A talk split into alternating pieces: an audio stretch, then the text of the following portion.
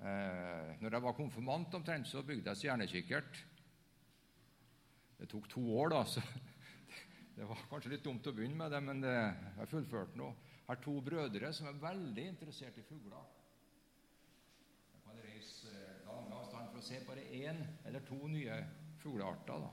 Så fascinasjon av eh, naturen og det som gjemmer seg i den, det, det ligger litt i blodet, kanskje. Siste 20 årene har jeg også hatt gleden av å kunne forske litt innenfor dette området og finne de minste detaljene, hvordan ting er skrudd sammen. Og det er gjort på universitetet her i byen. Så himmelens og jordens skaper. Eh, det er en serie nå da vi har. Og trosbekjennelsen begynner ikke med skapelsen, den begynner med Far. Sist hørte vi til slutt om den eh, som står i Nytestamentet, om den der han som har kommet seg bort, tulla seg bort, den sønnen. Og så våkna han opp i grisebingen, og så skulle han hjem igjen. Og så var det faren som så han langt unna, og han starta en langspurt for å få tak i sønnen sin, som endelig kom tilbake, for han hadde hørt rykter om at han skeia ut. Han fikk tak i en. Og Det laga et veldig fint bilde av det der. Den bortkomne sønn. Det er tegna av en som heter Rembrandt. Eh, det kommer ikke så godt fram der. Det bildet det henger i St. Petersburg. Og jeg har vært der. Sett det to ganger. Det var et kjempestort bilde av den der faren eh, som tar imot sønnen. Sønnen ser da uten sko. Det vises ikke så godt her da med klærne lurvete. og sånn. Og han var rik når han starta, men endte ganske blakk. Og så måtte han på hjemtur, og faren henta han tilbake. Og Første gang jeg så bildet i Vinterpalasset der i, i St. Petersburg, så våkna jeg litt. For det der bildet har jeg lest en hel bok om. Det er en eh, professor fra Harvard som heter Henry Hoven, som har skrevet bok om det der. Han ble så fascinert av den der eh, bildet at han skrev en hel bok om det. Satt og så på bildet lange tider. Så jeg sa til guiden da, på Vinterpalasset i Russland der you know, Dette er et veldig berømt bilde, sa jeg til ham. Jeg leste bok om det. Og så spurte jeg et spørsmål til. Er det her en kopi, eller er det originalen? Og hun ble helt rystet. For en provokasjon. Det fins ingen kopier i Vinterpalasset i St. Petersburg. Der er bare originalkunst. Det her var originalen jeg satt og så på av det berømte bildet. Det var en sterk opplevelse, for det var så stort. Veldig stort. altså Du så det gjennom flere korridorer bortover det bildet. og Det var ingen konkurrerende kunst på sida. Det var bare det der berømte bildet av den omfavnende faren som tar imot han der fra på Vivanke. Så det var et sterkt øyeblikk å se det der originalt fra Rembrandts hånd. Det var mye sterkere enn å se en kopi som det der også. Men bare så det er sagt Jeg tror på Gud Fader. Fars hjerte er det primære i trosartikkelen. Selv om jeg skal fortelle dere mye vitenskap nå, så er det farshjertet som er første punkt. Og så kommer de to neste punktene som jeg skal si litt om i dag. Den allmektige. Det hopper vi ofte over. Vi snakker ikke om den allmektige, vi sier bare Skaperen. Men det er et mellomledd der. Den allmektige. Og det har jeg tenkt mye på. Jeg har jo lest mange viktige vitenskapspersonligheter, hva de har produsert av smarte ting. Men kjære publikum, det her er atskillig større enn Einstein og Newton og hele rekka. altså. Det her er den allmektige. På latin står det 'omnipotente'. Altså Den som makter alt, den som vet alt, som er større enn det menneskelige, som overgår det i alle dimensjoner, som har alle potenser innebygd i seg. Det er han vi snakker om, så det er ingen småkar. Og at han trumfer en del av våre trange forestillinger, det må du kanskje regne med. Så husk på det. Den allmektige, den som overgår alt. Den som har visdommen, alfa og omega, i sin portefølje. Da. Det er han vi skal snakke om nå og se litt i kortene. himmelens og jordens skaper. Ja, i og med at jeg ble interessert allerede som liten gutt i det her, så husker jeg mine første opplevelser av himmelen også. Selv om det er lenge siden. Vi var kanskje i barnehagealder. Og så var det veldig fint vær i Trondheim, der jeg vokste opp, og vi hadde en fin hage. Og så var det ei der som var på besøk. Jeg, husker ikke navnet, men jeg husker ansiktet og hvor hun bodde. hen. Så lå vi på teppa der og solte oss ute i, ut i hagen der. Og, og så sa hun plutselig Ligg nå noen steiner og se rett opp på skyene. Liten detalj.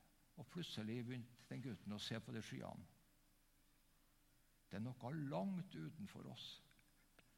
Bare å se skyer var en liten sånn oppvekker som gjorde at jeg kanskje ble litt langsynt etter hvert og begynte å tenke utover i de lange detaljene. og sånt. Men skyopplevelsen for den gutten på gressplenen det glemmer jeg aldri. Det var starten, kanskje, som jeg husker. da. Eh, som, det øker jo på etter hvert, for å si det sånn. Og La oss ha et bibelvers fra Salmenes bok. Veldig sånn eh, gode hilsninger til oss mennesker som kommer fra den der verset. Der står det Himmelen forkynner Guds heilighet. Hvelvingen forteller om Hans henders verk. Den ene dag bærer bud til den andre. En natt gir sin kunnskap til den neste. Det er ikke tale, det lyder ingen ord og ingen røst som kan høres, men budskapet går over hele jorden. Vitnesbyrdet når til verdens ende. Så det er liksom et budskap i skaperverket. Himmelen er en god predikant. Hvis du begynner å sjekke det ut litt, så får du en opplevelse av noe som er betydelig større, enn noe allmektig i det der. Hvordan det er konfigurert og satt sammen, og hvordan det fungerer. Jeg skal lese det samme på engelsk. Det er en, det er en bibel som foreligger på engelsk, som heter The Message. Det er ikke egentlig en bibel, men det er en det er gjenfortelling av alt som står i Bibelen. En slags parafrase da, på ganske fiffig, moderne, aktualisert språk. Så til ære for våre engelske venner Jeg klarer ikke å oversette det til norsk, altså, men så skal jeg lese denne versjonen på eh, amerikansk. da. God's glory is on tour in the skies. Godcraft on exhibit across the horizon. Madame Day holds classes every morning. Professor Knight lectures every evening. The words aren't heard, their voice aren't recorded, but their silence fills the earth. Unspoken truth is spoken everywhere. Unspoken truth. Altså noe som formidles på en høyere kanal enn en, en, en, talekanalen vår. Så det er det vi snakker om nå. Hva finner vi av detaljer hvis vi forsker begrepsmessig inn i skaperverket? Det skal jeg fortelle dere om, både på, fra, fra, astronomien og, og, litt også fra biodetaljene, da, som jeg har jobba mye med. Og komme og stå litt under stjernene, det, det, det er jo enkelt for oss oppe i Nord-Norge. Vi har jo mye stjernehimmel og mye mørke. Men det var en annen fyr også som eh, var ute i stjernehimmelen. Det var Abraham. Han hadde fått en kjempestor oppgave av Gud. Han skulle bli slektsfar. Problemet var at kona var eh, gammel. Så han hadde begynt å tvile litt på det. Og så sa Gud til han, 'Kom, kjære Abraham, vi tar litt uteskole.' Vi tar litt undervisning eh, utafor eh, klasserommet her. Vi går i det, det, store hallen, i den store domen, og tar, eh, tar en, eh, en, egen klasseundervisning der, kjære Abraham. Og du leste i det fem, første Mosebok 15, 5-6. Jeg tar den her.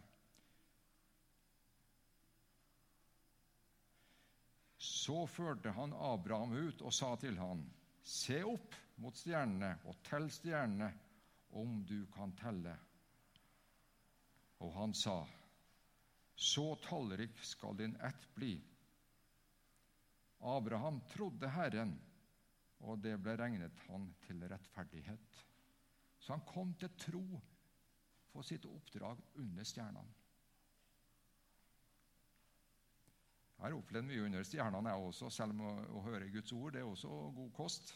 Men stjernehimmelen det har liksom en egen eh, kanal det sender til en del av oss på. Og den, eh, den, må vi få med oss sammen med alle andre kanaler. Så Abraham så stjernehimmelen. Og I dag det, har vi funnet ut veldig mye mer om stjernene og det som skjuler seg i dem, i minste detalj, i kjernefysikken, atomfysikken og kvantefysikken.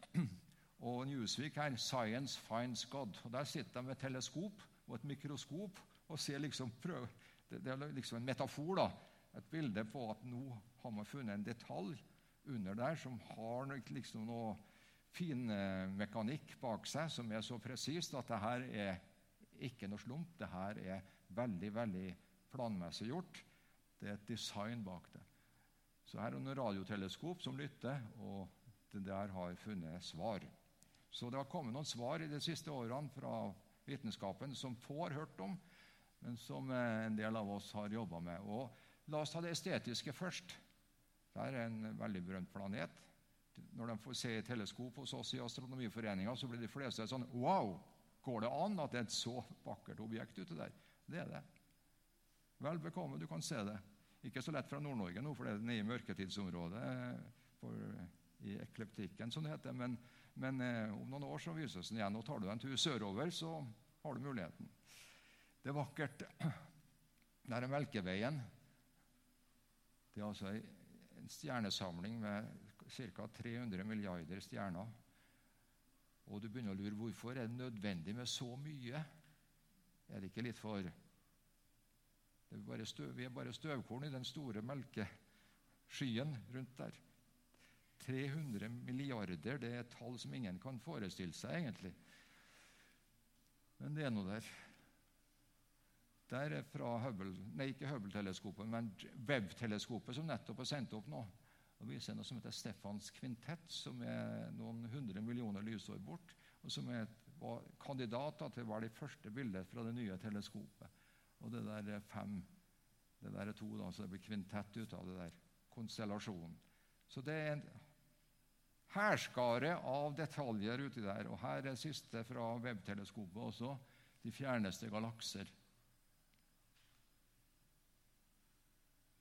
Kanskje den der som peker med pila.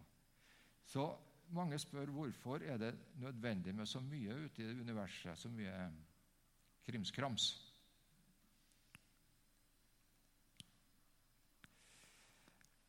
Har det noe med Gud å gjøre? Vanskelig å si det, da. Men ta deg en tur på jorda også. Se på alle blåbæra som står oppe i skogen her nå. Alt hyttebæra. Alle små planter, alle blomster som står der og blomstrer i noen dager og uker kanskje. Og så er de borte. Ingen andre ser dem enn Gud. da. For ingen, uten at du akkurat er på tur der, så det, da oppdager du en blomst. Men altså, det er så sjenerøst, det er så, det så volumiøst alt, at du får hakeslepp av det. Men det viser jo noe av Guds storhet, det omnipotente. Altså Han sparte på ingenting. Han, han var ikke på sparebluss han kjørte universet ut. Det var på full, full eh, pakke. Og slik ble det altså. Og Vi hadde et eh, eksperiment i en studentklasse jeg hadde på, i, på universitetet. Hva finnes det flest av? Sandkorn i Sahara eller stjerner i det kjente universet? Nesten alle tipper at det må være universets stjerner. For det er, i Melkeveien er det 300 eh, milliarder, og det er kanskje 200 milliarder galakser også. Så du ganger de tallene der, så får du et kjempestort tall. Men så begynte vi å tenke på Sahara. Og tok, tok, da med litt sandkorn fra en sandkasse i Tromsø og så la under mikroskop og telte antall på 1 millimeter. Ganger det var ca. 5, så vidt jeg husker. Og så det Plateinnholdet blir 5 ganger 5, 25 sandkorn. Og så volumet 5 en gang til, så 25 sandkorn på 1 kubikk millimeter. Og Så ganger du da hvor stort Sahara er. Det måtte vi lese på Internett da, hvor mange kvadratkilometer og hvor dyp den er. Og tro meg eller ei, det er flere sandkorn i Sahara enn stjerner i det kjente univers. Så jorda er like gigantisk som universet. Det er smerts der, altså. Det er ikke vi som er små, og dem universet som er stort. Det er stort over hele pakken. Ok, regnestykker, observasjoner. Eh, hvordan ble universet til, da? Vi har regna oss ganske mye tilbake, men de, de første sekundene der vet vi ingenting om. Og som en sa Big Bang det er omtrent det samme som bli lys. Det er ikke så mye forskjell på de to kommandoene. Noe blir til. Det smeller. Det er ikke noe smell, men det skjer noe stort. Og bli lys, det står det i Bibelen. Og det er egentlig ikke så stor forskjell på dem, for vi nemlig alle våre ligninger bryter sammen når vi går mot nullpunktet der. Altså Du får negative verdier under rottegnene. og sånt. Du får im, altså imaginære størrelser. Det bryter, ligningene bryter sammen. Du, du, klarer ikke å tolke dem. Slik at Det er altså et begynnelsespunkt. Og Det snakker jo Bibelen også om. Bli lys. Så begynnelsen er der. Fullt, fullstendig konsistent og i samsvar med det som vi leser i, eh, i eh, vitenskapen og i Bibelen. Så Der er Bibelen veldig god på, på å være nøyaktig i forhold til dagens eh, standardmodell, som heter Big Bang. Ja. Og En annen ting det som heter antropiske prinsipp, som summerer opp masse av de der egenskapene som vi nå de siste årene har funnet for universet. Det ble presentert av en som heter Braden, Brandon Carter, Carter, i 1973 på en konferanse i Polen på Kopernikus' 500-årsdag.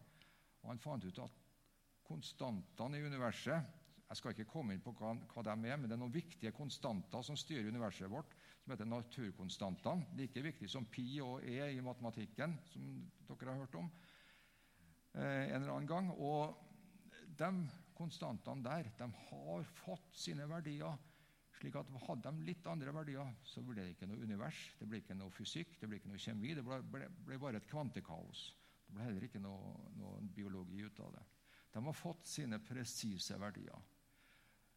Og jeg husker den første gangen jeg hørte det der. Da jobba jeg på universitetet. Det var en professor som heter Christian Dyste, som kom inn på klasserommet. Eh, det er kontoret mitt. Og sa han Steinar. Han var en ganske berømt fyr her i byen. Han flytta til Bergen dessverre etter noen år, men, men, han var veldig god til å beregne både ene og andre. Steinar sa han, det er gjort en stor oppdagelse.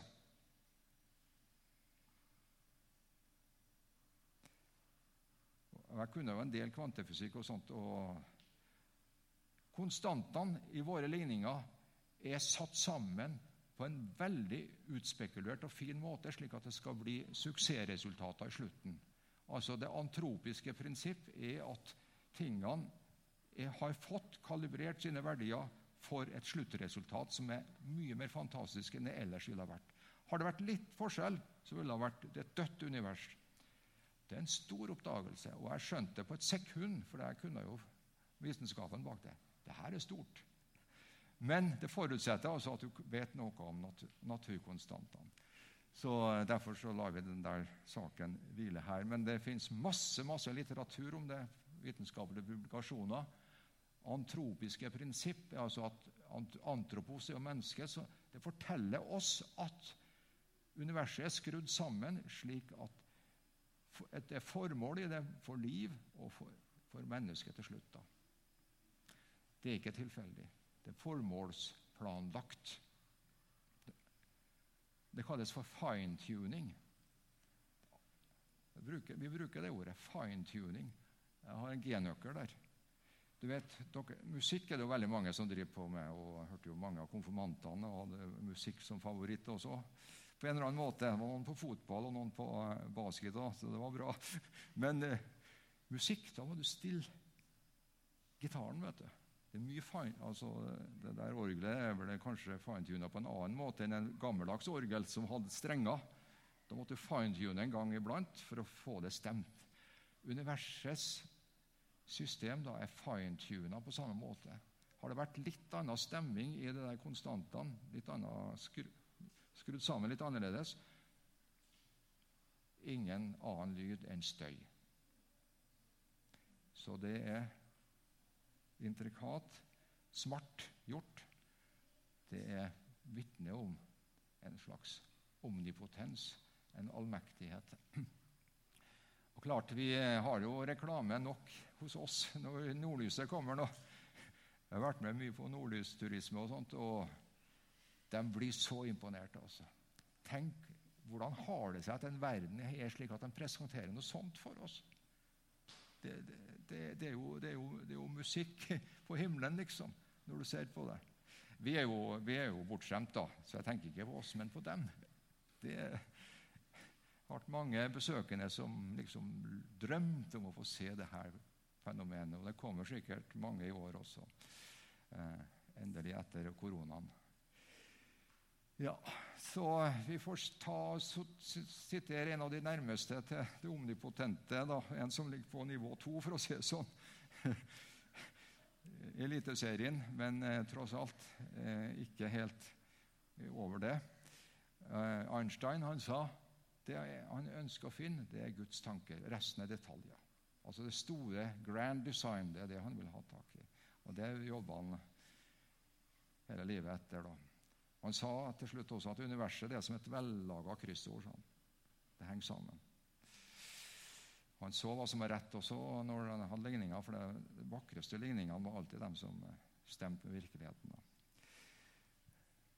Ja, Så skal jeg over til biologien, ta lite besøk der.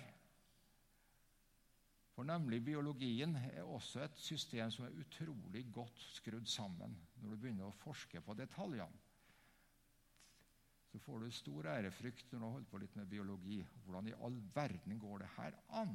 Og at et system virker på en sånn måte.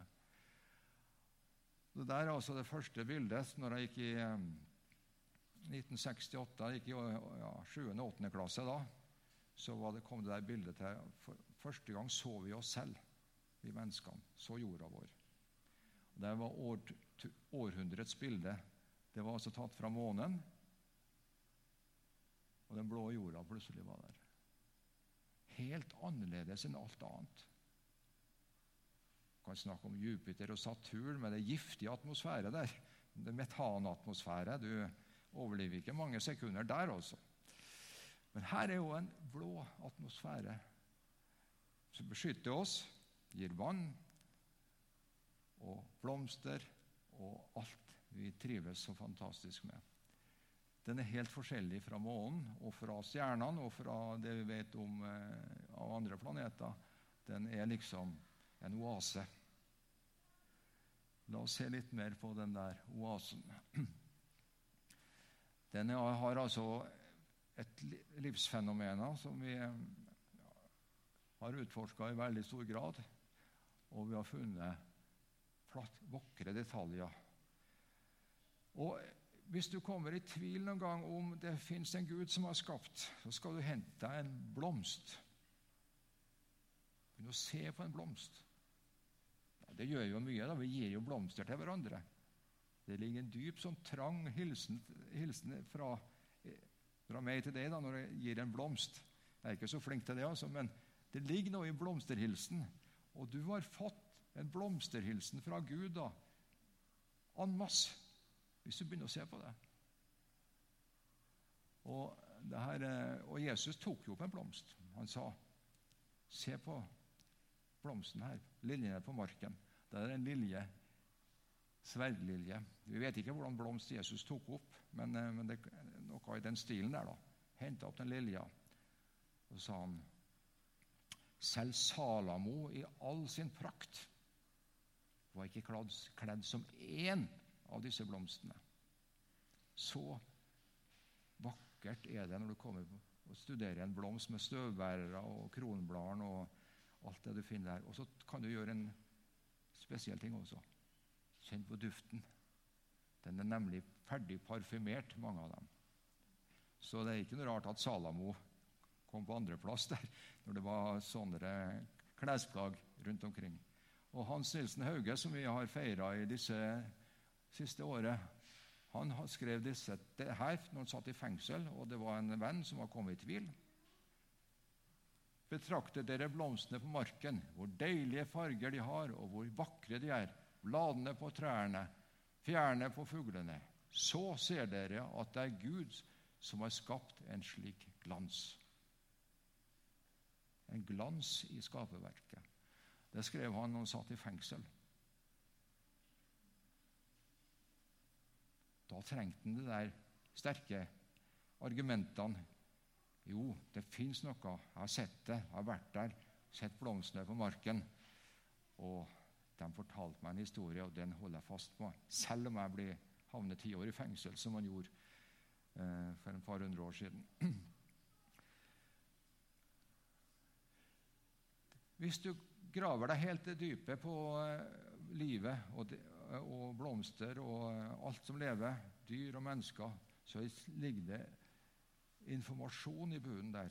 Det, du har lært om DNA, som er det informasjonsbærende molekylet som vi har i hver av vår, våre celler. Lengde en program på to meter for mennesket. Og Det er da i kromosomene inni cellene våre. Og det er en kode, en kode som er skrevet der.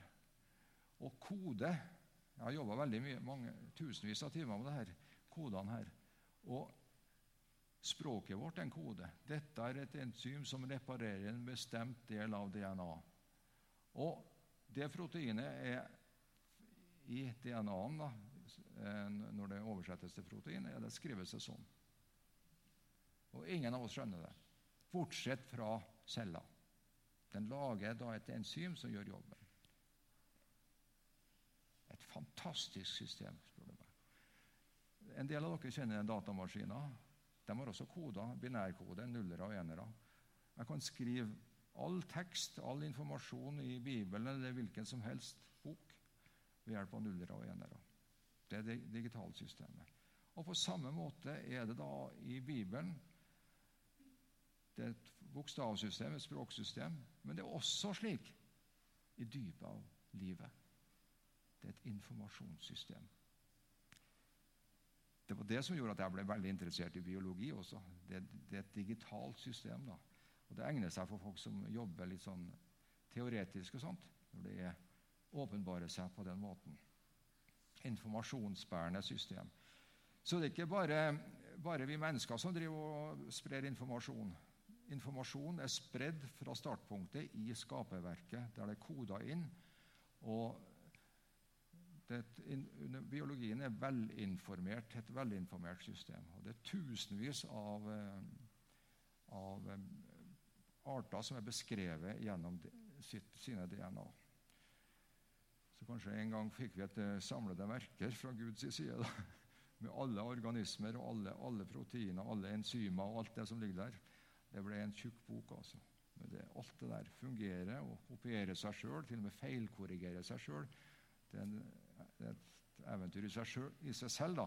Men slik er det. Og det fins ingeniørkunst i naturen som gjør oss mennesker til amatører. Dette er en eh, framdriftsmotor som har, eh, har eh, roterende elementer og 20-30 komponenter til sammen. Og den fungerer altså med 20 000 omdreininger i, i minuttet. Og tenk over din bil. Hvor fort går den? 2000-3000, kanskje 4000-5000, ja, 6000 omdreininger i minuttet. Da presser du motoren. altså. Hvis, ja, kanskje noen har Formel 1 her, men de går opp i 20 000. Men altså, det her går allerede på Formel 1-tempo og er da altså en propell som brukes både av sædceller Det skal være oss være glad for. at vi, for Det er jo resultatet av noe, en slik propell som vant løpet. Og um, det er også andre måter det brukes på i flageller, i bakterier. Så det er felles design, selvfølgelig. Det er gjenbruk. Trenger ikke å oppfinne kruttet på nytt. Ja. Så det er fuglene.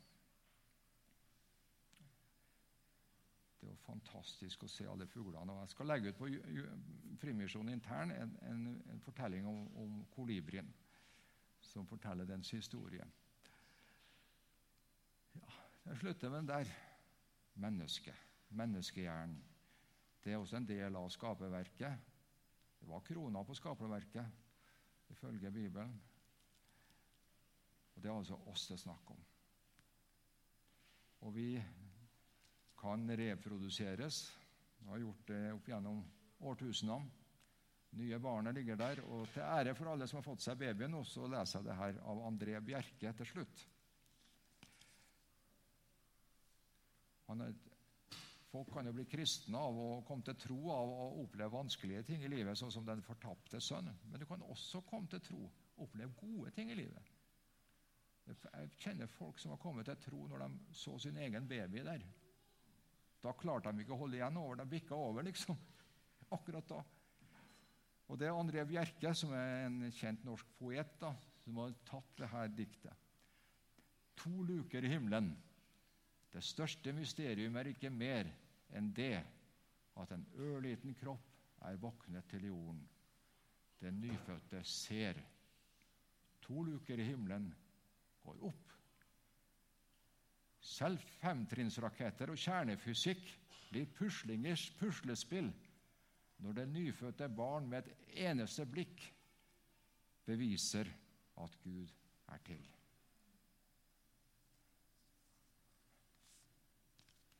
Jeg er enig i det der, jeg også. Det må jeg si. Jeg har far til fire barn og har sett øynene gå opp. Og det, plutselig er det en ny, en ny verden som åpner seg på et, noen få sekunder. Et eneste blikk liksom beviser gudsbildet. Her er det jo det her. Alt ferdig støpt. Og han her fyren vil være med meg resten av livet. da. Det er ingenting som overgår det her. Det er en sterk opplevelse som André Bjerke har fanga i det der diktet. Så la oss eh, tenke på skaperverket og det som har skjedd i den sammenhengen, som et velordna, velplanlagt verk fra A til Å.